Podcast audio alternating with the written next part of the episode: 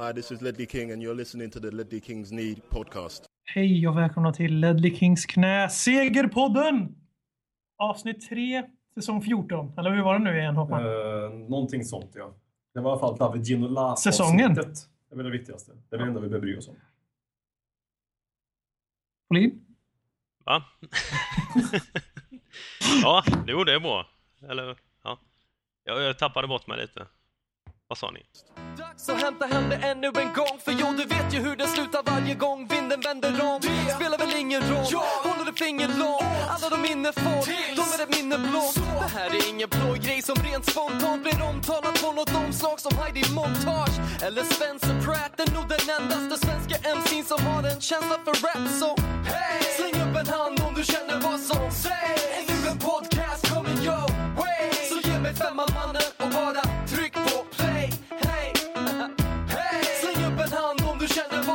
vad som Är nu en podcast coming your way. Så ge mig femman mannen och bara tryck på play. Hey.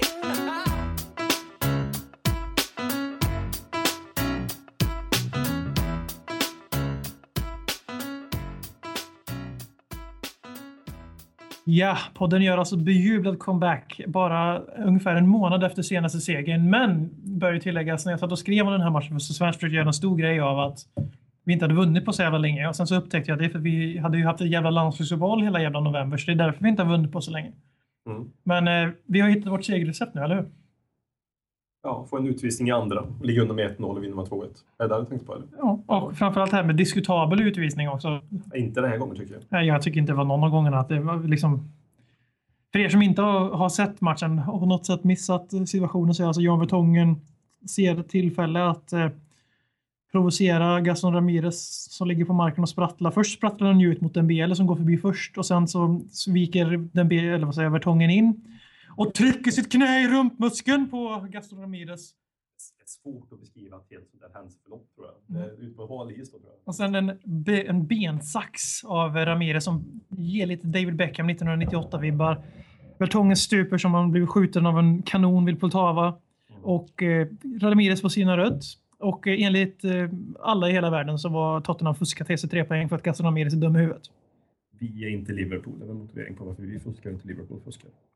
Ja, jag har så svårt att säga. Alltså, han sitter och, ja men alltså det är inte ens en hård spark, han träffar ju knappt bla bla. Nej, för okej så sparkar någon efter avblåsning när spelet inte ens är i närheten av bollen. Du är inte ens i närheten av bollen. Det är så här 20 meter bakom spelet och du sparkar mot någon för huvudtaget. Det är klart, det var ut med dig. Alltså det är inte ens någonting att diskutera. Precis som Benteke mot Aston Villa. Om du viftar någon i ansiktet, det spelar ingen roll hur hårt du viftar.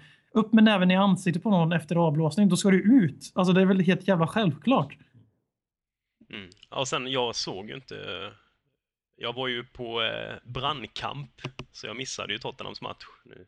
Ehm, Ja, då tycker men- inte jag du ska uttala dig. Ja, men jag, lä jag, läste en, jag läste, jag följde det på Twitter och såg att det var många som hade, många andra än Spurs-fans då som hade rasat mot Fartongen och tyckte att han var en hemsk, eh, ohederlig person. Som, jag, för jag såg liksom bilder framför mig att han blev sparkad på lilltån och slängde sig och tog sig för ansiktet. Men jag tyckte inte ens det såg så allvarligt ut, hans överdrift. Alltså visst, han, han förstärker ju, men det är inte Han, sådär han att han... ramlar ju fast han inte behöver ramla, men det är allt. Ja, och sen så, så sätter han sig och lyfter handen mot Ramirez, som vad gör du? Det är väl det som händer i princip. Ja, Jag har ju inte upplevt att sådana här liknande situationer tidigare blev så jävla stort ramaskrik åt när ja det var, den killen som har lyckats fått ett rött kort med sig så att säga, som nu Fertongen lyckas med. För det är ju en medveten grej när han går in med knät. Det, Ja, det är klart det, det går ju inte att blunda för. Liksom. Men det tycker jag inte heller är något fel direkt personligen. Det gill, Alltså, det- gillar vi inte lite det också? Det är det inte lite vi har suttit och Man ger efter och någon tar som är lite. lite småful? Ja, jag tycker inte det är konstigt. Det har väl ändå förekommit i fotbollen i en miljard år. Och då kan ju, det är som en viss idiot som vi ska komma in på senare. i Winnie gre- greppar bollarna, folk som står på fötterna i Ja. hörnor. och Alltså det här har ju, alltså jag, tycker, jag, jag står inte här och jublar över, jo det gör jag visst, fuck Ja, PK. det- Helt rätt av Vertongen. Ja. Och det var exakt lika rätt av eh, Lamela, Soldado och Mason att gå i Chivas med Benteke, Bentaleb tänkte jag säga. Det Absolut. ja, men det är väl, stå upp lite grann. Ja, för det fu- har ju funkat båda gångerna. Ja, Mm. Sen är det ett rött kort på Gaston Ramirez. Och det, det enda jag kan tänka mig är att Vertongen ska få gult också. Det är det enda jag kan... Ja, möjligtvis, jo, det- det kan är det enda. Det kan jag också köpa. Och sen så kan man hålla på i all evinnerlighet. Det är klart att utvisningar förändrar matcher. Eh, Men måste det, alltså, det är ju definitivt inte anledningen till att vi vinner den här fotbollsmatchen. Att vi blir en man mer. Alltså, visst, möjligtvis psykologiskt att vi börjar tro på det själva. Det, det märker man ju direkt. Så fort vi blir en man mer så la vi en växel till. Men vi hade faktiskt börjat andra halvlek ganska starkt. Och, eh, eller starkt, men vi hade initiativ i alla fall. Mm. Och sen händer det här och då, då tror laget på det. Men det är alltså, bara för att man blir av med en offensiv spelare, det gör ingen skillnad alls i försvarsspelet. För alltså, de, om man försvarar med nio eller tio man, det är liksom väldigt marginell skillnad i fotboll. För det är inte, det är inte många lag som anfaller med tio man nämligen. Så det, det är inte många lag som sticker med alla över mittplan och har Loris kvar ensam.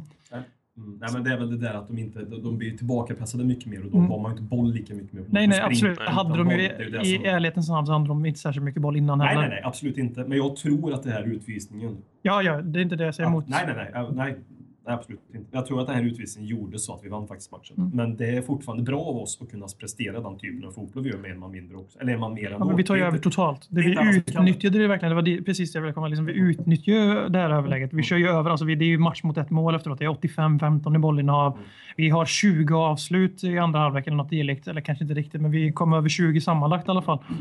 Mm. Och eh, det, det är ju som sagt det är match mot ett mål och som jag hävdar igen då taktiskt gör det ingen större skillnad utan det är ju det mentala som avgör när de blir utvisade. Så de, de, och så plus att de inte får behålla i bollen så mycket. Nej. Men att eh, det som händer där, där och då är ju att de får en man mindre ha i sin köttmur centralt. Det gör inte så jävla stor skillnad när Gaston Ramirez är den som försvinner. Det hade varit en annan sak om det är Curtis Davis som åker ut efter 50 minuter och de inte har någon back att byta in. När de måste gå ner med Hudson i backlinjen. Då gör det stor skillnad, men när en anfallare är ungefärlig. Han spelar väldigt högt upp i planen i alla fall. Han står i grafiken var han anfaller. Jag vet inte om han är egentligen. Där, men när han ryker så gör det inte så jävla stor skillnad som pressen efteråt försöker få det till. Där media försöker få det till att ja, Ramirez blev utvisad, sen gjorde han två självmål utifrån duschen och så vann Tottenham bara därför. Det är en förenkling enligt Ja, det, det är för enkelt. Det stämmer. eh, Bilden eh, jag fick av det när jag följde det på via, via text att, eh, att i första halvlek så var det eh, Hugo som höll kvar oss i matchen och den eh, möjliga utespelaren som gjorde en vettig första halvlek var Mason. Ja. Eller, Hugo gjorde några riktigt svettiga räddningar i första halvlek. ja. Eh, Speciellt direkt efter 1-0 målet på ett skott.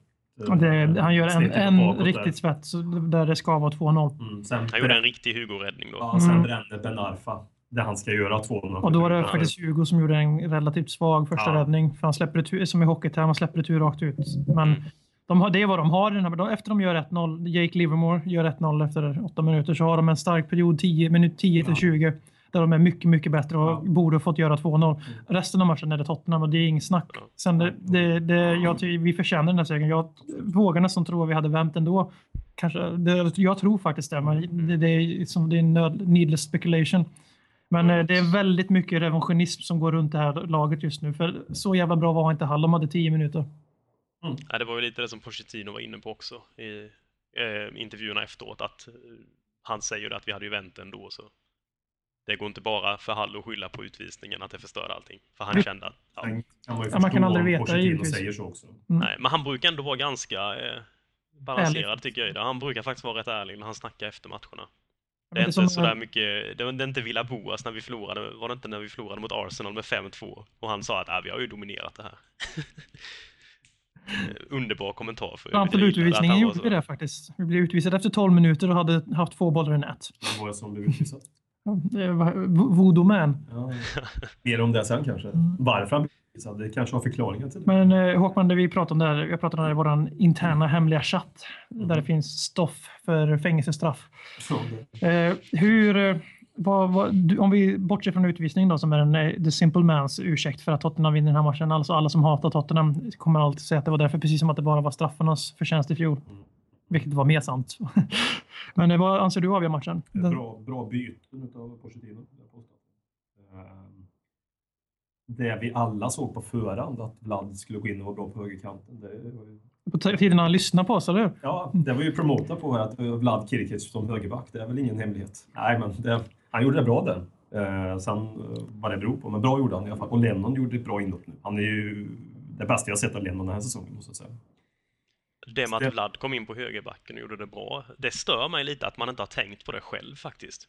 När jag läste om det så tänkte jag, ja det, det är klart, man borde kunna testat honom där ute för med, med tanke på hur han spelar som mittback så är han ju ganska glad vid att inte spela mittback. Så då Det märktes ju också. Du, han fyllde på konstant. Det var instruktioner givetvis, men det Eric Dyer inte har för att högerback i farten.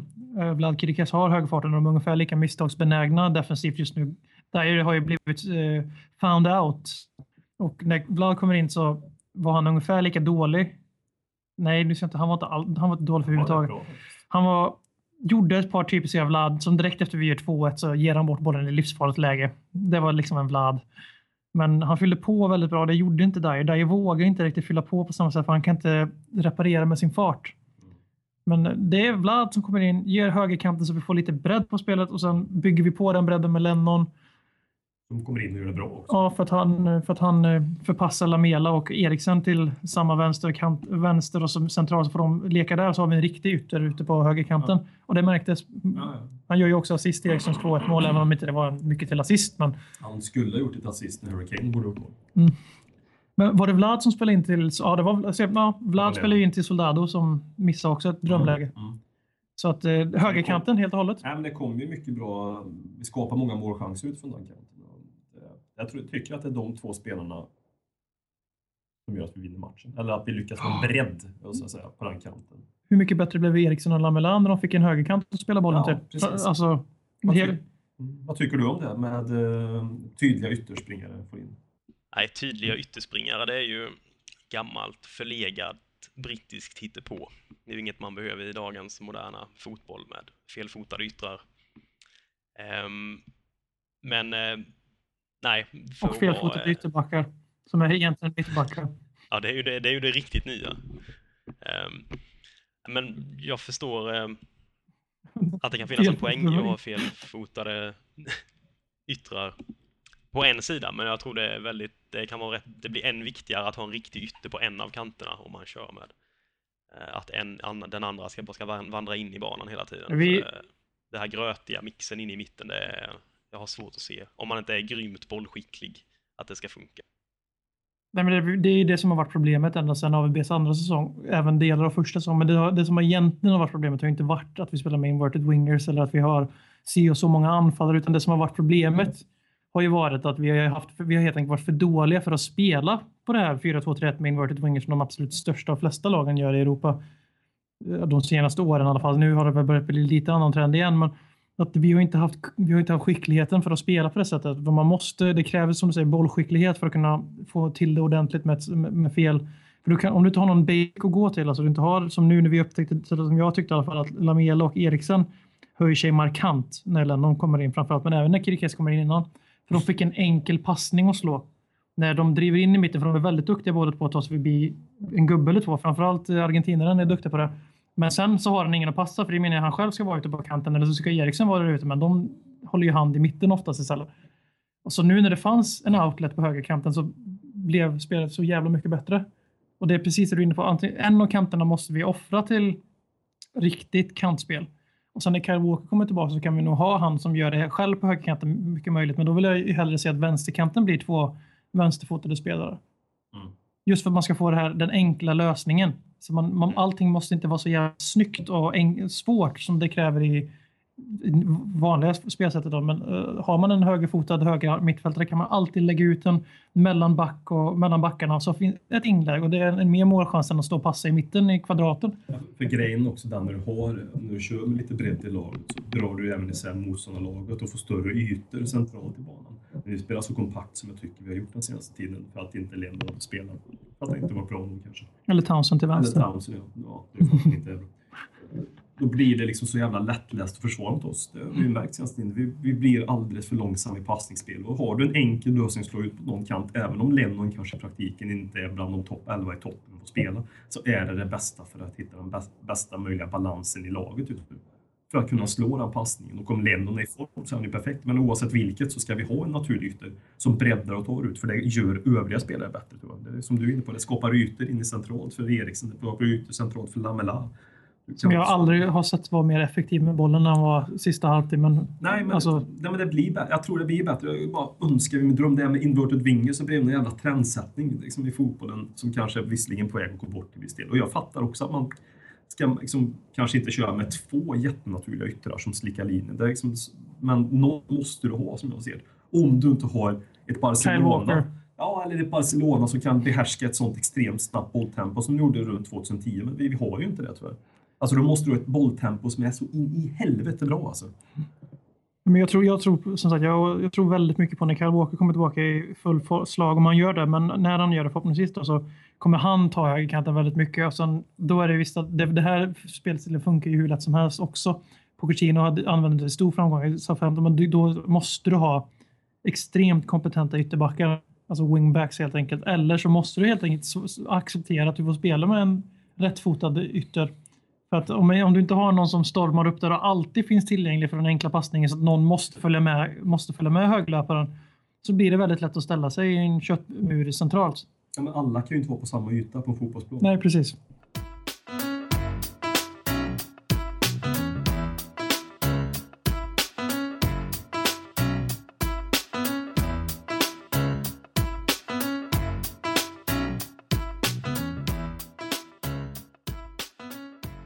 Men då gör jag en vågad gissning nu och med tanke på de två matcherna vi har den här veckan. Först mot Partisan i Europa League på torsdag där tre poäng garanterar avancemang inför bortamatchen mot Besiktas senare. Och eh, sen har vi huvudmatchen den här helgen får väl ändå lov att säga när vi möter Everton.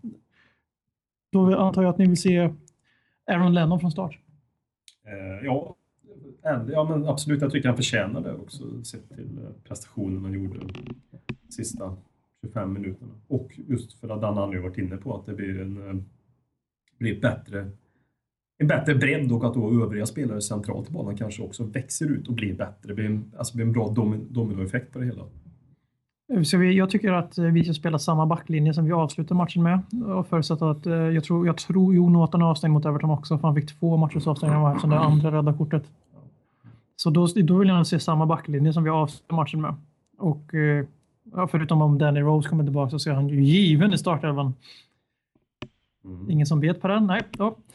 Och, tyvärr är det ju så. Alltså jag, jag, tror i mångt och mycket jag skulle vilja ha nästan exakt samma elva som vi avslutar matchen förutom Paulinho. Eh, mot Everton.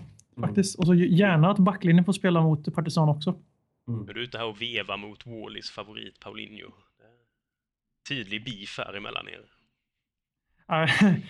Eh, ja, jag är inte, jag är inte jag är inte beredd att offra någon av våra startspelare mot just eller ja, Moussa Dembele möjligtvis. Han var inte vass mot... Eh... Han ska inte starta. Nej, det är faktiskt... Okej, okay, Paulinho kan få starta. Nej, Staboli, det är dags för Stampe. Ja, Stampe är jag, är jag i alla fall väldigt intresserad av att se lite mer. Jag har lite svårt att sätta honom i ett, eh, i ett facken. Jag vet inte riktigt vilken typ av mittfältare han är. Är han en som kan liksom spela i den hållande rollen? Modric eller? och Mario Götze. ja, jo. Med, eh, med eh, Cloud Makeleles eh, försvarsspel. Nej, men för jag, jag vet inte riktigt, jag är svårt att placera honom någonstans. Man tycker han har sett ganska okej okay ut mot de, de matcherna han har fått spela eh, i Europa League, men det är ju en annan sak att, att spela i Premier League och Premier League-tempot. Ska Kabul, Adebayor och eh, Capo och även Chadli får man väl ändå säga, om man tänker på speltid hittills och rykte, och prestation i ett av fyra fall, ni får gissa vem, eh, att de är givna i startelvan. Tycker ni att de är det? Ska de in i laget igen? Efter att vi slog ändå Hall. Det är Hall och det är inte någon bragd på något sätt, men de, de saknades ju alla fyra. Det är ändå ja, bärande spelare speltidsmässigt. Ja, jag, jag tycker ju inte... Det är Chadli i sådana fall som ska in. De andra tycker jag vi klarar oss ganska bra utan. Jag vet inte, Capo kanske, men han har inte varit i något, något stor form direkt i de senaste matcherna, snarare tvärtom. Jag tyckte han började lovande och såg väldigt stabil ut. Eh, lite i en, hans typ av hållande mittfältare är ju lite mer den kloka spelaren som står rätt. Han, eh, han är ju ingen så tokkämpe som springer som en dåre, som liksom Scott Parker och håller ordning på mittfältet på det sättet. Han är ju mer den lite eleganta defensiva mittfältaren. Så jag tyckte han började bra, men på slutet har han mest sett lite lat och ointresserad ut. Ja, jag skulle personligen vilja ha Capo, även om jag håller med i allt det du sa där. För att det, som jag ser så funkar det inte att spela med Dembele och Mason. Eller, de, de, de, de två slåss om samma mittfältspositioner i de här sittande tycker jag. Ja, jag ehm, Sen då Capo och Bentaleb som slåss om den sittande. Och återigen, för det här balansens bästa så tycker jag att någon av dem bör spela. Ja, Bente Webb är ju skadad. Capo har inte varit bra, men jag tycker ändå man ska, att han ska få lite mer förtroende i brist på annat helt enkelt. Jag tyckte att det såg inte så bra ut med Mason och Dembele ihop senaste matchen. Men Bela var direkt svag, Ja, tyvärr. Det, det blir lite för lika. han inte tappade, den enda gången jag såg honom var när han tappade bollen i farliga, farliga lägen också. Inte på egen plan, det var precis vid mittcirkeln. Det är mardrömsställe att tappa bollen på för att hela laget har flyttat upp och så tappar han bollen. Väldigt oprovocerat flera gånger också. Väldigt besviken. Men eh, Adebayor. Vi såg ju äntligen fick ju den här podden se Kane, Soldado och Lamela samtidigt. Och det var ju givetvis därför vi vann också. Mm. Ja, givetvis.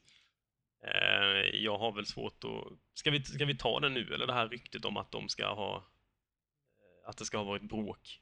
Ja, att det var där, därför ja, ja. Adebayor, Capo och Kabul inte spelade. För det, jag vet inte, stod, hade det stått någonting om någon av dem? Det stod, för jag har läst någonting om Adebayor, att han hade kommit hem si, alltså mitt i veckan från enligt landslagssamlingen. Tottenham Sweden så var Capo enklare, en lättare skada. Okej. Capo också. Ja, okej. nej. Minns. Ja, för sen gick det ju något rykte med på eh, de berömda ITK-forumen om att eh, det ska ha varit något slags bråk efter eh, eh, Stoke-förlusten mellan eh, de yngre spelarna i laget och de lite, ja, äldre Kane Adebayor spelarna. stod det. Och Ja. att eh, huvud, huvuddelen av omklädningsrummet sid, tog eh, Kanes sida, men att Kabul och eh, Lennon inte tog, tog eh, den ynglingens sida. Och att, eh, det, alltså att, att de äldre spelarna i Spurs inte var så nöjda som en viss ITK-are här i Sverige gick in på senare. Mm. Ehm, ja, jag vet inte om det, det är ju som sagt, det, man får väl ta det med en ganska stor nypa salt. Men det är ju ändå ganska, jag tyckte det var ganska förvånande att se att så många av dem var ute ur elvan och inte ens med på bänken. Och det, det var det som var mest förvånande var att det inte sades någonting på presskonferensen innan, vilket det hade gjort om det var små skador. De hade Mm. åtminstone, för var- varför säga att Andrews Townsend och Danny Rose är late fitness test och även Lennon, men inte säga ett jävla ljud om hade bara Joakim och säga att de, de kommer inte vara med för att de har varit eh, på landslag eller småskadade. Nej, det är ju Jag- ändå jag- eh, jag- kaptenen Faktiskt, och alltså, en han hade presskonferensen dagen innan. Mm. Nej, och det är ju som sagt, det är ju eh, kaptenen och den vice lagkaptenen som saknas. Mm. Det som jag tycker är intressant i detta fallet också, det är om, om vi utgår från att det är sant för några sekunder, det som stod där är 100% sant, så eh, är jag lite besviken på Kabul om han tar sån tydlig ställning i något av fallen. Eftersom han är kapten och ska vara någon form av medlare kan man hoppas och försöka hålla en sammanhållen trupp. Sen kan han ju tycka någonstans innerst inne vad han personligen tycker är rätt och fel, men han borde bortse från sådana sådana grejer som kapten och eh, försöka göra det som egentligen man tror är bäst för laget och truppen. Om det nu är sant. Så att stryka, att stryka. Adebayors ego är ju definitivt bättre för truppen. Ja, jag ja, precis. Jo, men så. Det kanske var det han såg. Det kanske var den grejen, han- den bedömningen han gjorde. Var Jonas Kabul. Ja, jag, jag, jag uppfattar Kabul är ändå uppfattat som en person som, han verkar väldigt mån om de flesta runt omkring sig i laget. Så om han har tagit en sån ställning, det förvånar mig lite faktiskt. Mm. Men vi säger helt enkelt att uh, The Famous Four, att de får uh, spela sig till en startelva-plats mot, mot uh, Everton genom att vara grymma mot Partizan. Det fanns en The Famous Five på 90-talet, känner du till det? Ja, det här är samma klass på den här utan tvekan. Ja, det är tveksamt. Vadå, du, du tycker att det var Joar och Chadli och Capo och Kabul inte lika bra som legendarer? Nej, inte riktigt. Som den närmare Famous Five vi har haft efteråt var ju när Scott Parker fick städa upp bakom van der Vaart, Bale, Modric och uh, Defoe, eller vad man ska nu välja ut.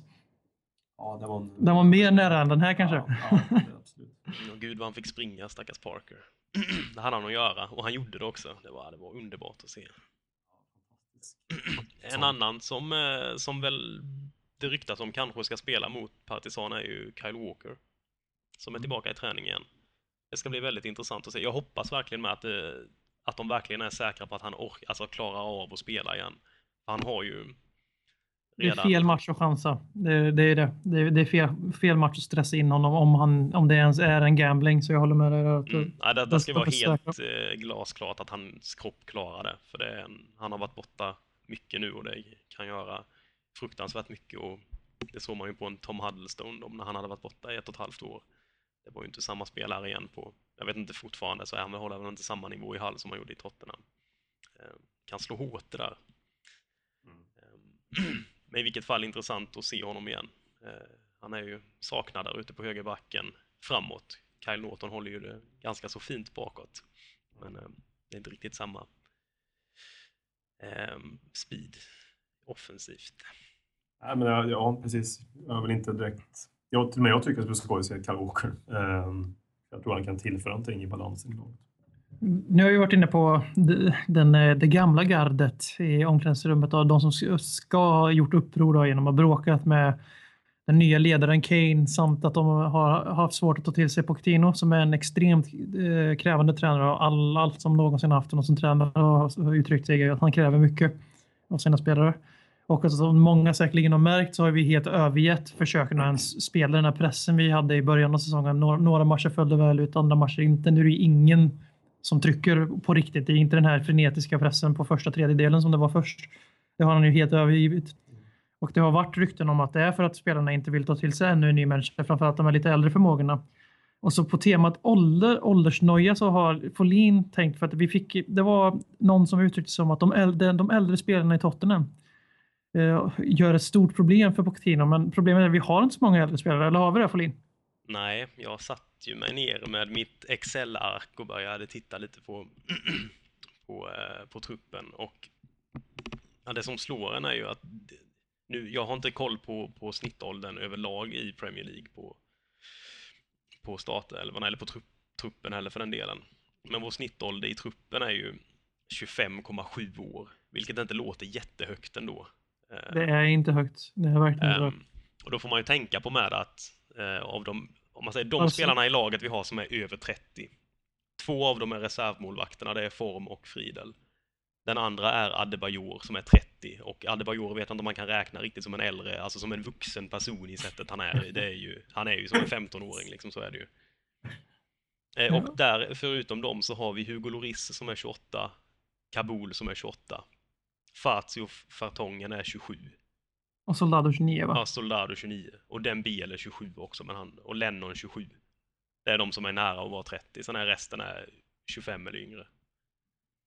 Eh, och jag kan bara snabbt, jag kan bara, de flesta matcher den här säsongen så har Barcelona haft en medelsnittsålder på 28-27 någonstans och det är Barcelona som är rätt så världskända för att satsa på unga spelare. Så nu är de inte riktigt lika duktiga på det just nu, men det ger ett visst jämförelse, en referensram i alla fall.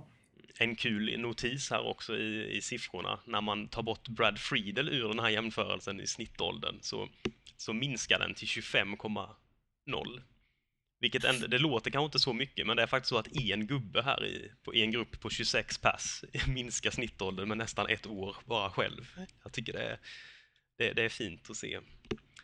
Um, och utespelarna är en snittålder på 24,5. Det är inte heller jättehögt. Um, och det, det märks ju lite också. Det är lågt, alltså det är väldigt lågt tycker jag. 24,5 sa du utan målvakt. Eftersom ja. alla våra målvakter är äldre, eftersom det är en sån mm. position som kräver rutin främst den personen som Och det, det, det, säger ju en hel, en hel del, tycker jag. Alltså det förklarar en del saker också. Mm. Och att det, vi, jag skulle inte vara helt, uh, helt chockad om vi i, i, juni ser att ännu fler av de här, eller kanske redan i januari, att vi ser ett gäng av de här 27, 27 plussarna, alltså de 7-8 spelarna som är över 25. att några av dem försvinner och ersätts med yngre förmågor just för att Pochettino är en sån tränare som kräver så mycket och eh, jobbar bättre med ungdomar för att de är förmodligen öppnare till förändring eftersom man inte är lika man har inte utvecklat sig lika mycket så man har inte lika mycket åsikter om vad man själv är bäst på än.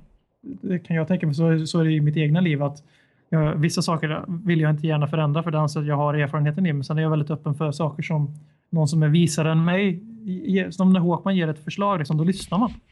Det gör jag inte när jag är 27 sen hoppas jag.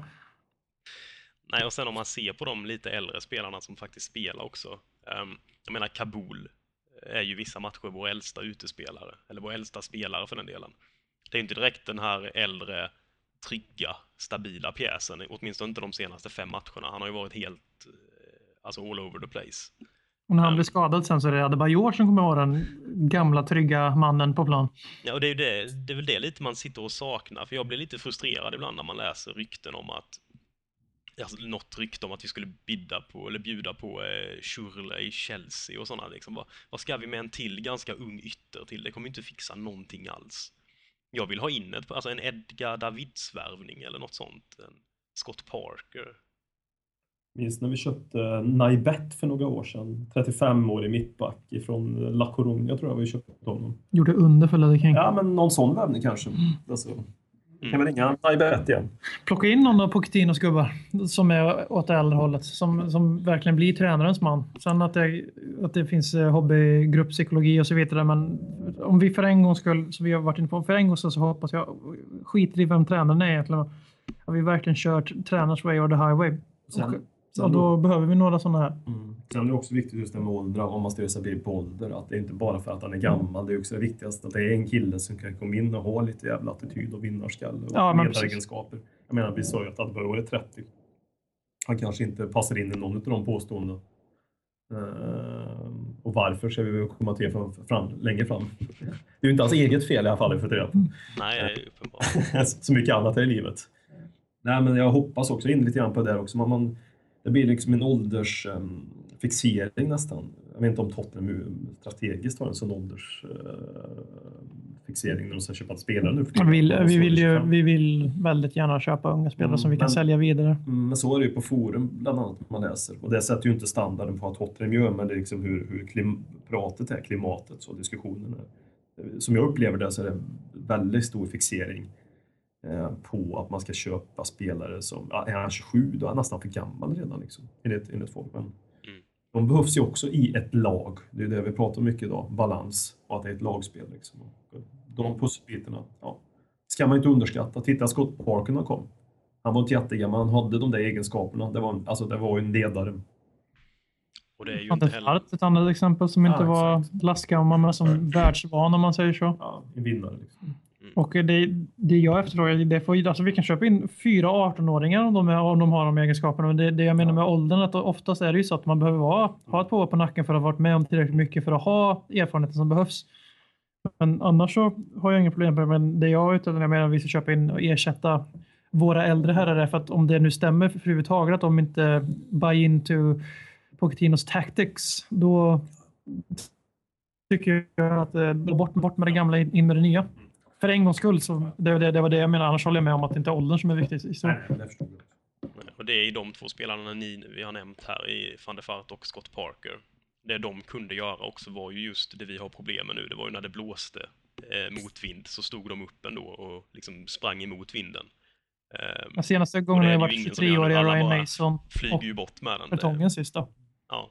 ja, och det är ju jättebra att det finns andra som, som gör det också. Speciellt en sån unge som Mason och som knappt har spelat liksom, fotboll. Ja, men det är, det, som är, hans- det, är, det är precis det som är problemet. Att han ska ju inte, behö, han ska ju inte vara den.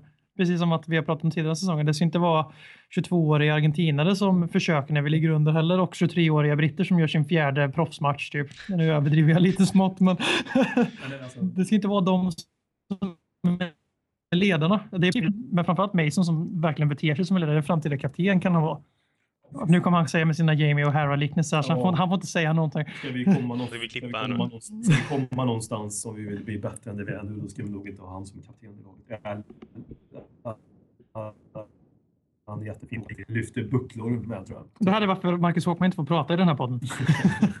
Men eh, alltså det, jag tycker det, det, det jag gillar också med honom, det är just som vi är inne på, att han har, han bryr sig där ute. Alltså, sen om det blir en, eh, sen om det liksom blir någon form av eh, falsk ledaregenskap för oss som sitter på, eh, framför tvn eller på läktaren. För att man ser en sp- spelare som, har, som springer med mycket intensitet och, och Ja, vi sa gör vi yviga, nej, men alltså, som gör yviga gester och skriker lite åt domaren. Vi sa inte att Holtby var en ledartyp. Det, det var ju passion. Det här är Ja. ledaregenskap när det är Mason, så det, du har en poäng. Alltså jag menar, det blir lite, sam, det blir lite samma grej Mm. som jag upplever det. Sen kanske han har det i omklädningsrummet, jag har ingen aning, men det, han, han brinner mer än han har en ledaregenskap, är min uppfattning i alla fall. För det finns ju ledare, Ledley King var ju en ledare, men han var ju verkligen inte den typen som Mason är. Han var ju bara bäst i världen. Ja, men, ja precis. Ja, men det var ju ledare liksom. Det sa ju alla, men han... Nej, men det säger, på olika sätt. det säger väl, vi är nu inne på det här med åldersnivå. Vi har en relativt ung trupp. Framförallt eh, så har vi, som har vi plockat bort våra målvakter så är vi under 25 år och det är inte särskilt gammalt. Det är absolut inte nått sin topp som fotbollsspelare då. Och, eh, eller man ska inte ha gjort det i alla fall, annars blir det jobbigt att hänga kvar i Premier League. Men eh, det som, som sagt, när det blåser snålt, vilket det gör ganska ofta, eftersom vi byter och börjar om på en ny, ny inriktning varenda jävla säsong eller var 18, var 18 månad i snitt, så är det att det är just det att när det ställs, liksom om man sitter där som en utsvulten supporter och letar efter de här sakerna, då kanske man ser Masons griseri mot Benteke som är ledaregenskap, eller som nu Vertongen, men egentligen är det bara så här, stridens hetta grejer som händer och vi är så utsvultna efter ledaregenskap så vill vi hitta de saker som inte finns och det var lite det du sa. Så, men vart, precis som vi vet, vart är de riktiga ledarna? Vi sitter och öser skit på väldigt ofta de unga spelarna som är fittor och allt vad de kallas. Väldigt, väldigt konstigt ord att använda för att, för att förolämpa spelarna i Tottenham för mm. Men eh, just att det är alltid de unga killarna som det skrivs på. Det är Lamela, det är Townsend, det är Eriksen men det är, och så Adebayor. Adebayor är ett undantag. Soldado också kanske. Ja, ibland. Men var, var, varför är det ingen som skriker på ledarna jämt? Det är alltid, varför är det inte de som ställs till svars först? Så funkar det i alla andra. Liksom, det är inte eleverna som ställs till svars först i skolan utan det är läraren. Sen är det rektorn och sen eleven. Så är det i alla fall för oss som blir lärare. Kan jag säga. Eh, och så, I politik så är det inte den glade Folin som går och dör ut eh, anarkistprogramblad som blir ställs ansvarig, utan det är partiledaren för anarkisterna som ställs ansvarig. Men i, i Tottenham Hotspur så är det de unga talangerna som får skit. Jag fattar ingenting. Jag har zonat ut för länge sedan. Det är rörigt min skalle. Min poäng var att vi, vi, har en, vi har en tendens i vårt supporterskap att vi, jag tycker vi ger oss, vi ger oss på fel spelare. Vi skriker ja. inte på ledarna. Nej, nej, okay, ja, för vi har inga. Nej, exakt. Mm. Och det är ett problem här som jag tror kan komma, speciellt för de här yngre spelarna, att när de får så mycket skit. En del jämförelser med blir jag ganska trött på. Det vissa spelare som är, alltså gamla Tottenham-spelare som är spelare ofta blir jämförda med, det är, eller som jag ser på Twitter till exempel, det är Mickey Hazard och Graham Roberts. Som ofta lyfts fram som de här jättestora kämparna som aldrig vek ner sig liksom och hur magiskt det var. Jag vet inte riktigt om det är lämpligt att jämföra en 22-årig talang i Tottenham nu med de här legendarerna. Så att du är ju inte som han. Bara, nej, men det, det, nej, det är han inte. Ja, och det, det var kanske var lite annorlunda att spela på ett mittfält ihop med Hoddle och Waddle och Ardiles. Liksom. Det, man kanske var lite tryggare i det att man visste att oj, här är tre helt magiskt bra spelare jag har att spela med. Inte för att förringa Hazard på något sätt, men jag menar att det är klart att han som yngre spelare också antagligen såg mycket bättre ut och kunde slappna av mycket mer än en Eriksen eller en Lamela som förväntas på något sätt bära hela laget som 22-åringar. Det, som är, det är också lite fascinerande, just det här resonemanget man har när man tänker tillbaka på saker och tänker på gamla spelare. Det är lätt att bli romantiserande också. Att man minns det som det fantastiska, men det är lite grann som när man tänker tillbaka på lumpen. När, man gjorde, när jag gjorde lumpen där och då så var det inte så fantastiskt, men nu när jag tänker tillbaka på så minns man bara det som var fantastiskt. Lite så kan det kanske vara med Graham Roberts och Micke Hazard också. Gareth Bale kanske... kan ju vara en alltså, ja, modernare alltså, referens. Ja, men att man minns det som var uh, fantastiskt. Och det är ju jättefint. Och nu säger jag inte att Graham Roberts och Micke Hazard inte kämpade, inte det jag menar. Fotbollen såg annorlunda ut, men just det är lätt att falla tillbaka på att uh, det var alltid bättre förr. Om, om, om, 20, om 20 år så sitter vi och säger att ah, kommer ni ihåg när vi hade Ryan Mason och Ja, de var Harry Kane, fan vad de tog och de, och de var så briljanta. Och bla, bla. Var... Den här jävla sopan som är, kom sjua på Ballon d'Or, han är så jävla sämst, han visar ingen passion. De var i alla fall egna produkter och det var härligt då när vi i alla fall spelade med egna produkter. Ja. Då, kanske man har det resonemanget. Jag vet inte, jag kanske är ute och svamlar i vanlig ordning, men... men um... det, vi, det vi kommer fram till att Ryan Mason är perfekt och Håkman har fel. Mm. Undrar vad Jamie O'Hara gör nu? Talkman show, Talkman show, Talkman, Talkman, Talkman show.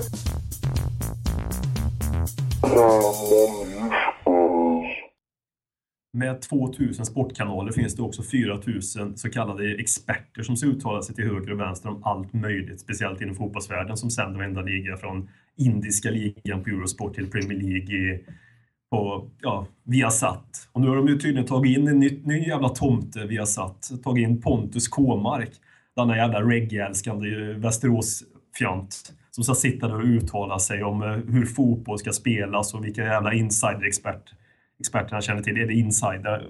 Ja, att han känner till folk i den brittiska fotbollen.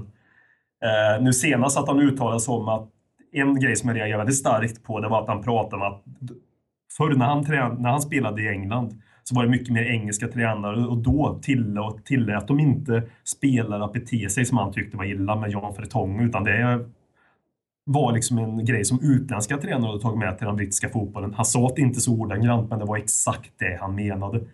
Sen också han uttalade sig med det här, allt det han visste om Tottenham nu. Han satt på facit till allting, den här jävla Kåmark. Att vi hade sådana stora problem. Och det är mycket möjligt för att vi har det. Men han har ju troligtvis pratat med Ness Ferdinand och Tim Sherwood. Och visst uttalar sig de om Tottenham nu. Jag älskar dig Tim Sherwood, förlåt. Att eh, de kanske inte har, eh, de kanske, ja, har en viss åsikt om Tottenham för de känner sig bortplockade därifrån. Och kanske man inte ska vara, ta deras ord för exakta sanningen. Och Kåmark har de senaste tiden reagerat på Sen han eh, fått mer och mer plats, in, speciellt den här säsongen, har fått någon jävla roll och vara någon jävla sanningssägare.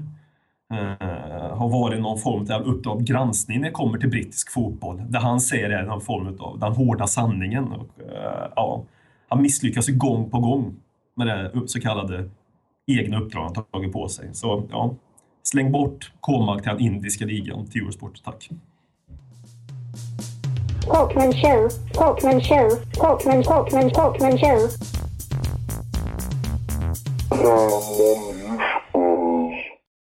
Och efter Håkmans kärleksförklaring här till eh, Pontus så går vi vidare i podden och det var ju så att för någon vecka sedan här så kom det ut en väldigt intressant undersökning som eh, den eh, intressanta webbsidan YouGov i England hade gjort.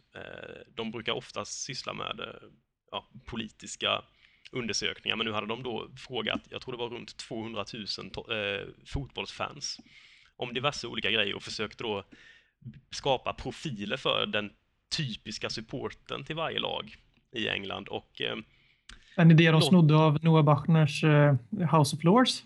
Givetvis. De gjorde ju det innan och sen så hoppade ju YouGov på eh, den här trenden. Noah-trenden, som den kallas, eh, över hela världen. Det, men det är en del av Pard Pardew Frenzy nu när Pardew är Premier Leagues hetaste tränare. Ja. Eh, något som var intressant från den här undersökningen om just Spurs-fans, det måste man väl ändå säga det som fick mycket uppmärksamhet var ju de vanligt besökta hemsidorna där från Spurs-fansen.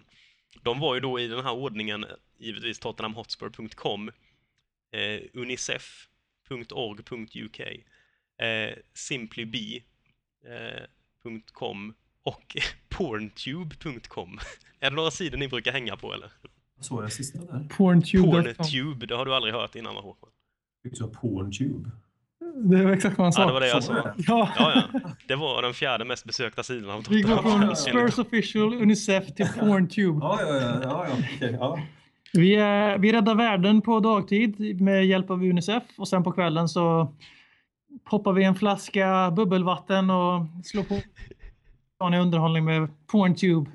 Det känns igen. Själv gör jag det även på dagen. Jag hoppar i Unicef och kör... Eh...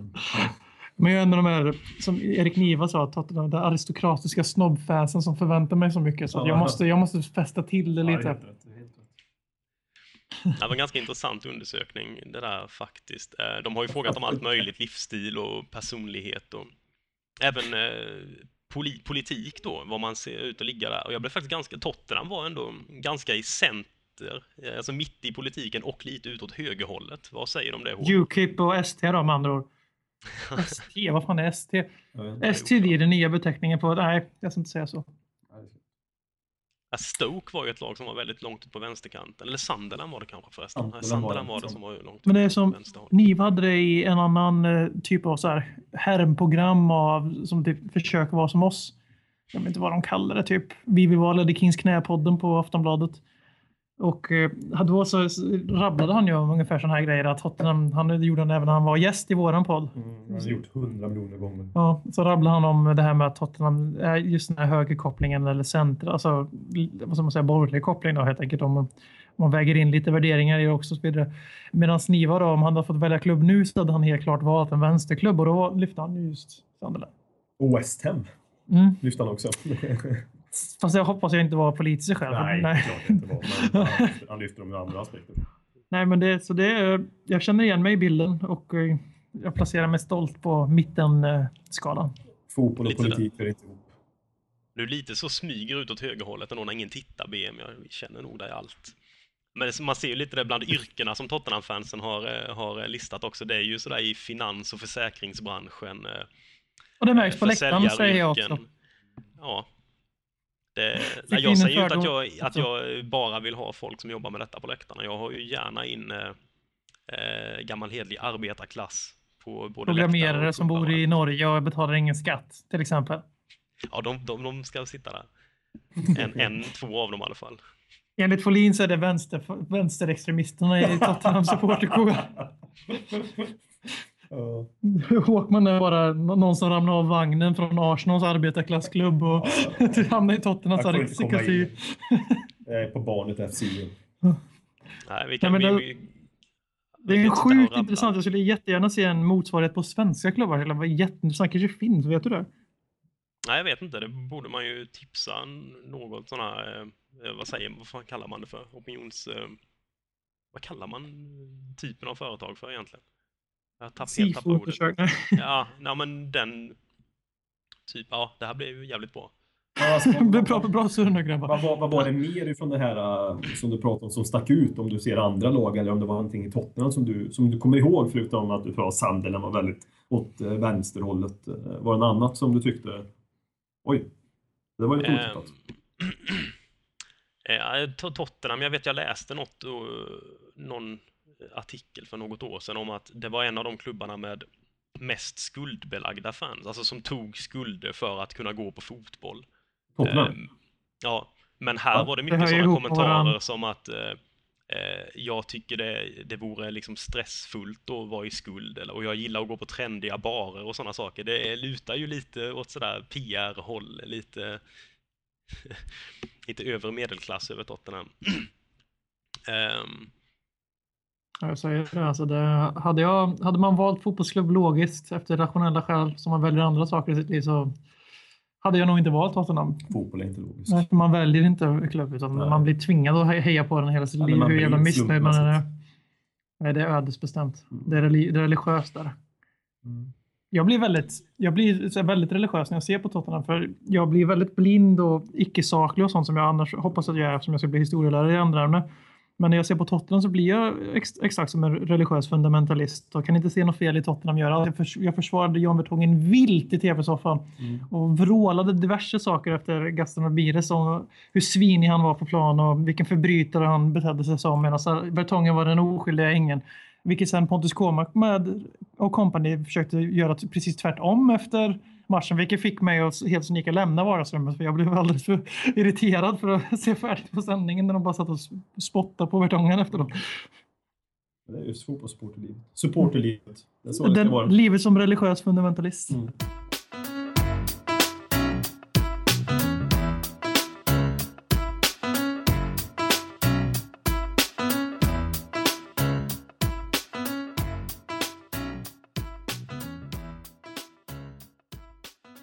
Veckan före jag ersattes av eh, Harry Redknapp Runk så pratade vi i Ledder Kings knä väldigt mycket om eh, eh, panik och kris och panikreaktioner på ett relativt förståeligt läge som klubben är just nu med den sjunde riktningsförändringen på fyra år. Överdrivet smått. Nej. Så, nej, så, så som, ett, eh, post, som ett post på brevet så, så var ju Tottenhams väl artikulerade och mycket framåtsträvande Tottenham Hotspur Support Trust. Den är supporterförening i- eller organisation i, i London som... Vad fan, kom till skott! Alla vet inte... Alla, Vad i helvete! Alla vet inte vad de är. De hade i alla fall ett möte med, klubb, med klubben på, på grund av den nuvarande krisen vi är i. Och för kommentarer tack.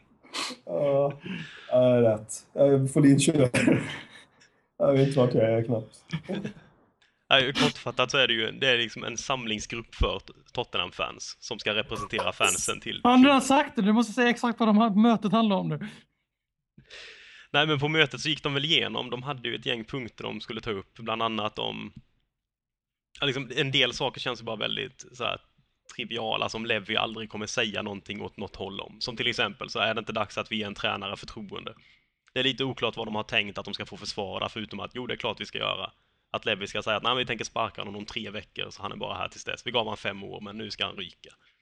Sen så frågade man ju om arenabygget och det var ju som vanligt att vi har köpt upp allting utom den här eh, Archway eh, industridelen. Som, Ja, ja, ja. Ja, och eh, ja. Nej, men det känns som att alltså, den här gruppen är ju, den behövs ju. Jag tycker det är rätt att den finns och att de gör ju det de kan. Men det känns ju som att Levi gör ju som han vill med dem. Han ger ju dem, han ger ju inte dem någonting mer än vad han verkligen behöver för att de ska hålla sig sådär Får jag bara säga, halvlugna. får jag bara säga någon så här 10 sekund sak vad de faktiskt sa på mötet för, om, om Håkman håller sig lugn. eller Ja, är att, eh, de sa bland annat att eh, special relationship med Real Madrid, att det fanns eh, utbyten och så vidare, men att det hade inte riktigt blivit som. The special relationship. Det är för roligt, det är för roligt. Det roligaste livet har gjort sedan han kom till toppen. The Ice Bucket Challenge när han eh, nominerar Perez till att göra det. Jävla roligt. På, på tal om det, det var, de uttryckte det alltså, konkret, sa klubben, till att de hade for, en fortsatt bra relation, Livio och uh, Perez. Sa de så? Ja, det tyckte jag var jävligt nice. Tjena. Ja, jo, vi har ju faktiskt De, de är, men de är ju bundisar givetvis, för de, ja skit nu inte svänger på det. Men sen en annan sak så pratade de om den här Livy Out-bannern då mot Stoke som snabbt blev nedriven och det var för att, enligt klubben, för att eh, det finns andra grupperingar på bland fansen som inte står bakom det, att det blev oroligt på läktaren. Med andra ord, 1984, Orwell.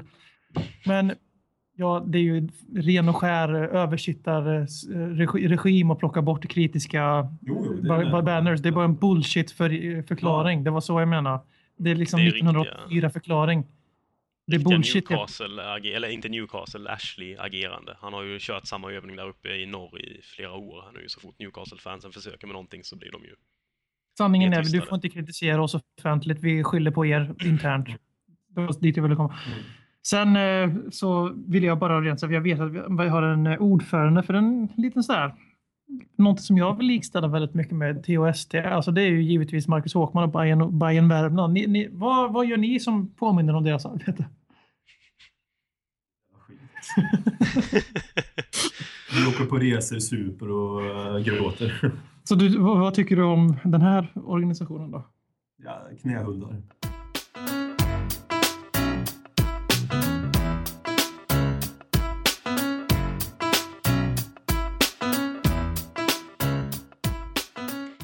En sak som eh, podden lyfte för inte så länge sedan var att vi pratade om Archway Group som en av få, eller den enda, som inte har sålt sin mark för arenabygget. Och på Håkmans beställning så brann den här, vad ska man säga, den här för, det företaget stod i brand, stod i lågor i natt. Det är så jävla sjukt. Ja. Och vi, vill inte, vi är inte en sån spekulerande podd, men vi misstänker att det var Marcus Håkman. ja. ja, säger du! Nej men vad fan, det känns ju... Alltså det är naivt att tro att detta är av slump i alla fall. Och jag vill minnas att det stod i rapport, rapporterna från England att det stod att brandmännen på plats misstänkte anlagd brand. Har jag, har jag fel där? Wolf? Det var ju du som tog det här till våran uppmärksamhet, Folin. Nej, det finns ju rapport om att det ska ha sagts det. Det fin- finns väl inget offentligt uttalande om att de säger att det nog är en anlagd brand, men Eh, Okej. det har kommit rapporter om att de kan misstänka det. Ja, Det var ju redan fem i morse som det stod i, i lågor.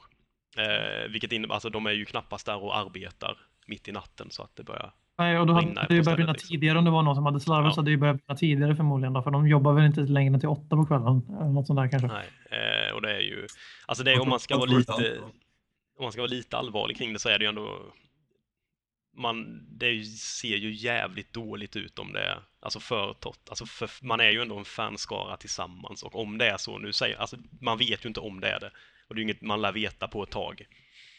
Men om det skulle vara så att det är en Tottenham-supporter eller någon grupp med Tottenham-supportrar som har fått för sig att ah, men nu bränner vi ner skiten så ser det ju eh, Det är- ja, det är ju riktigt äckligt att ha på. Det är lika illa jag som att också. bränna, bränna pyro på, i allsvenska arenor. Ja, precis samma sak. Ja. Okej, seriöst en sekund. Ja, det är förkastligt. Mm. Man säger say what you really feel. Nej men det är ju... ehm, Det är hemskt. Det, det, uppenbart kan vi inte prata om det seriöst, men Nej men på riktigt, alltså, seriöst.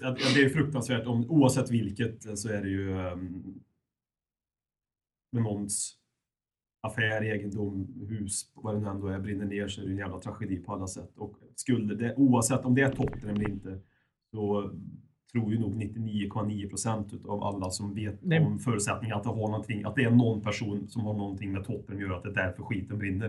Det är ju lätt att dra de kopplingarna, även om det inte skulle vara så. Alltså, Mm. eh, ska man hårdra som att ta åt andra hållet, den 0,1 procent, kan man ju säga att det kanske är någon som vill få Tottenham i dåligt dagar. Det kan ju ses som jävligt långsökt naturligtvis. Eh, min eh, spontana egna teori Sen att- kan det ju vara en pyroman också som de, de tänder eld på saker alltså, bara för att. Jag, jag, jag tror ju inte på slumpen. Eh, Jag, alltså som person, jag... eh, Ibland kan men det här det är, det är för mycket för att det ska vara slump. Att det råkar vara något jävla elfel eller någonting i den där kåken som gör att det börjar brinna. Och speciellt om det är nu så att vad vi tror att vi har hört att brandmännen misstänker i ett första skede att det kanske inte är en eh, naturlig brand utan den är anlagd. Och det är det enda som inte har sålt. Så att vi ska kunna börja snickra ihop en eh, modern arena för 58 000. Så, mm, jag tror någonting, att det har någonting med vår arena att göra. Det är väldigt olycklig timing för klubben. Det är bara några som sagt, vi pratade kort om eh, THS som vi inte får säga mer. Det, det var att de eh, pratade om det här och att de, de är ju sista gången de har haft den här diskussionen i många år nu. Nej, jag bara skulle sagt att eh, det är väldigt olycklig timing för klubben när de precis har pratat och få- fått publicerat den här Supporters Trust att de har sagt att den här, de har haft den här konflikten i många år. Det är inte alls så enkelt som Arsenal Group har sagt i tidningen och så några dagar, tidigare, några dagar senare så står kåken i brand. Liksom. Det olyckligt och man kan kanske hoppas att Tottenham som klubb gör någonting positivt med det här nu och liksom betalar renovation, renov, renov, renoveringen eller någonting. Fast det känns jävligt osannolikt för de vill ju få bort skiten. Det är ju Livi som har gjort det här helt enkelt. Ja, men jag tycker han var med. Sitta- Man kan väl hoppas att man på något sätt kan visa um, sig stora och göra det som klubben. Alltså för det kan ju inte vara frågan om så extremt mycket pengar för Tottenham. Man kan väl Eller om man talar ju så väl, väl om hur man bryr sig om området där ute, då kan man ju ta och visa det kanske också. Ja. Alltså det är... Vi är ju dömda utan rättegång på detta. Att Ja. Så blir det ju. Så att eh, man, folk lägger ihop ett plus ett. Eller, och även om det, här, om det är rätt eller inte så är vi dömda på förhand. Så är det. Det är mycket som tyder på att vi kanske, inte vi, att det är någonting som har någonting med den här arenan att göra. Som har någonting med det vinnandet också att göra. Så att säga. De hänger ihop. Det är vad jag tror i alla fall. Mm. Vad tror ni? Alltså det är ju klart, det är ju en oerhörd... Alltså det fin... Ja. De har ju blivit hotade och allt möjligt i hur länge som helst och att sen den skulle råka brinna ner, på, på, det känns ju väldigt, väldigt osannolikt att det bara skulle hända. Ehm, och sen också, jag vi tror inte det är så enkelt heller att nu har, har delar av deras ehm, verksamhet brunnit ner, att de bara kommer sticka därifrån för det heller.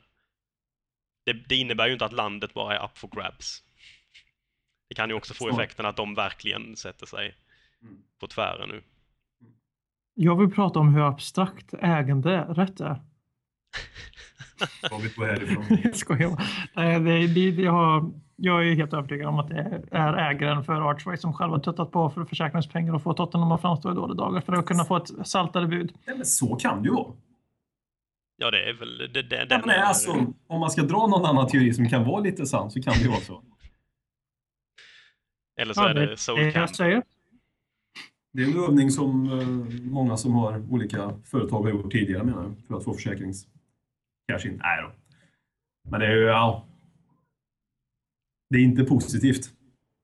Oavsett vilket. Jag har svårt att se det gynna Tottenham på något sätt. Mm. Det, Det bästa för Tottenham faktiskt är att man är med och renoverar den där skiten. och sen Oavsett vilket. köper loss den igen. Ja. Eller på riktigt då. Alltså, det får lite, det får lite, får lite goodwill liksom. Ja. För, Nu får vi badwill oavsett vilket. ja. Säger Och så man på, ta, på tal om någon som, ja, nu gör vi det. På Mm. tal om någon som vi är innovatörer i den här podden. På tal om någon som har fått väldigt mycket badwill riktade mot sig. Så nu är det äntligen dags. Nu kommer den nya veckoliga punkten av Leddy Kings knä. Mm. Veckans Ja, det var. Jordtimme. Ja, veckans voodoo, där har du. Någon, vad har hänt? Det har kommit in Ja, liksom. fantastiska rapporter om att eh, Adebayor Säg källan ut- också, är det vänligt. Ursprungskällan. Ja, där jag först läste det var ju på den fantastiskt pålitliga webbsidan Ghana Celebrities. Där stod det då om att Adebayor ska ha anklagat sin mor för att utöva voodoo mot honom.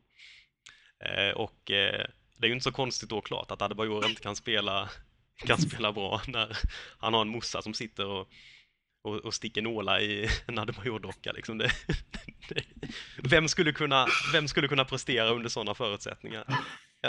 Han är ju inte Förstår- mer än människa, stackarn. Förståelse för Adebayor har ju nått en helt ny nivå. Nu, nu lider man med stacken helt plötsligt.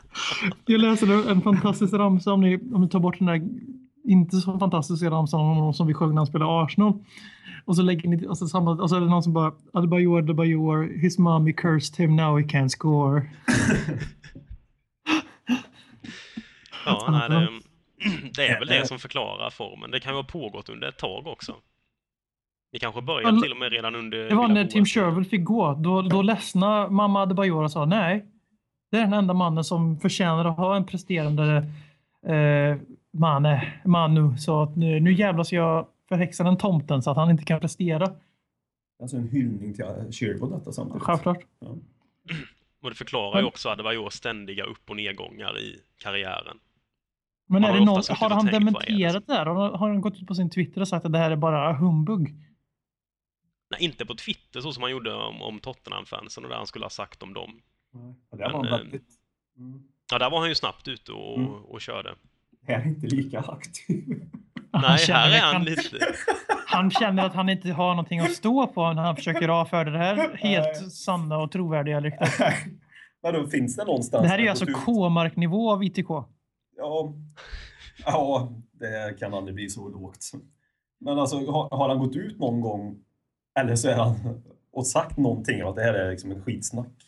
Vår, vår vän och vår... Eh, ja, Nej, det jag har läst efteråt sen var ju att han hade ju också, det hade också kommit rykten om att han hade snackat, eh, att hans syrra hade sagt att Adebayor hade övergett morsan och struntat i henne i, i flera år. Det har han gått ut och sagt något om att han inte har gjort. Eh, och då, hade han, då gav han en, en eh, eh, då svingade han lite mot sin syrra också. Och, och eh, ifrågasatte henne. Han hade ju tydligen köpt något ställe till henne i London som hon nu hyr ut utan att berätta för Adde. Så det blev ju Adde lite ledsen för också. Det verkar som det är både liksom, det är ganska rejäla familjeproblem hos Adebayor. Så det, ja, Han, är, alltså, han har det ju tufft i familjen. Han har släktingar som dör och, och eh, interna bråk och så, allt vad det är. Liksom att man, ja, det, så det, det, för mig känns det bara rimligt att det är någon som utför voodoo på honom. För det, det är ju inte Emanuel Adebayors fel själv. Aldrig. nej, nej, nej. För det, det är lite som den här, alltså, nu ska jag dra det riktigt hårdraget här. Eh, när den här fruktansvärda katastrofen som hände när han var med landslaget. Mm. Då använder ju vettiga människor använder det som ett försvarstal till varför han inte presterar så bra. Mm. Bland annat var det en vältalig man i Ledekins knä som tillsammans med Fryke ibland lyfte de här punkterna när fascist-Håkman, nej jag jag skojar. Nu är du på väldigt... Nu är jag på tunn is här. Ja. Nej, men det jag ville ha sagt att liksom att det jag vill om man, om man är seriös i fem sekunder så att det känns som att det alltid händer massa skit i hans liv som gör så att han inte kan enbart fokusera på fotbollen för han är ju inte mer än människa. Och nu blir jag tråkig då och verkligen tycker synd om Adebayor. Men sen, liksom, det är en bild jag har. Man läser på överallt på internet bara man Adebayor beskyller sin mamma för, för voodoo. Alltså, Alltså, jag, det, är liksom, det, det bara rinner över för mig. Då. Jag, kan, inte- jag kan inte ta det seriöst längre. Det, det är synd för det tar, sätter de riktiga problemen i skuggan som är eh, tunga problem för Ja. som helst. Men just sådana här saker känns som att om han bara går ut och säger men för helvete tror ni på allt ni läser? ja. Så- Men alltså, det, det är ju det här, alltså, när jag läste det här första gången, jag tänkte, bara fan, skrattar är det sant det här verkligen? Är det någon som har... Det var, var så jävla osannolikt. Det gick inte att greppa liksom. Det här kan ju inte stämma. Det är som att Paulinho ska spela från start i landslaget. Ja, typ. Ja, typ. Ja, men det, är, det, är det, det är det roligaste jag läst. Som har med Tottenham göra de senaste, jag vet inte, bra många, många, många, många år. Det är som Lasagne fast på, på, på, på skoj. Och sant. Ja. Eller Lasagne var ju sant. Ja. ja, ja. Men det är liksom, Jag sa fel där. Det är lika sant. Ja, nej. Så man, man kanske har, det kanske är det Adebayors eh, Life is good eh, sociala mediande har varit en slags, eh, det är en fasad han har byggt upp för att försöka liksom undertrycka vodon sådär. Han vägrar acceptera att den får ett grepp om honom. Har vi några botemedel på detta nu då? Finns det någon som kan träda in och hjälpa det att häva den här förbannelsen? vi måste ju anställa en häxdoktor helt enkelt Ja. som motbesvärjer den här, den här Känner ju någon juju. schaman någonstans. Var det juju som det kallades? Inte voodoo utan den typen av voodoo var juju. Ja. Vi måste ha någon som kommer in och gör bobo. Undrar många, som har, många Tottenham Sport som har googlat på den. Ja, jag googlade det Alltså den här gocelebrities.net lär ju ha liksom, den, deras nätträffar lär ju ha, lär ju ha Sora through the roof som man säger Ja, ja. Push and Run England. Jag visste inte att det var den här tidningen. Jag kommer ju definitivt eh, s- s- kolla på den här tidningen jag kom hem, Ghana Celebrity. Bara det namnet ju, att det är väldigt trovärdigt på, på alla sätt. Liksom. Eh, Ja. Lika trovärdigt som Aftonbladet och Expressen. Liksom.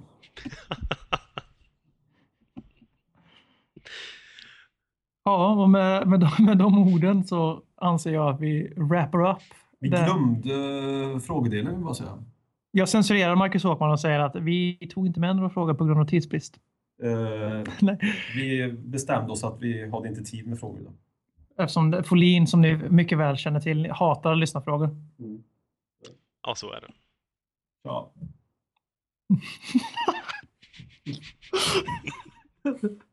vi, har, vi hörs nästa vecka, gott folk. Ja, ta hand om er.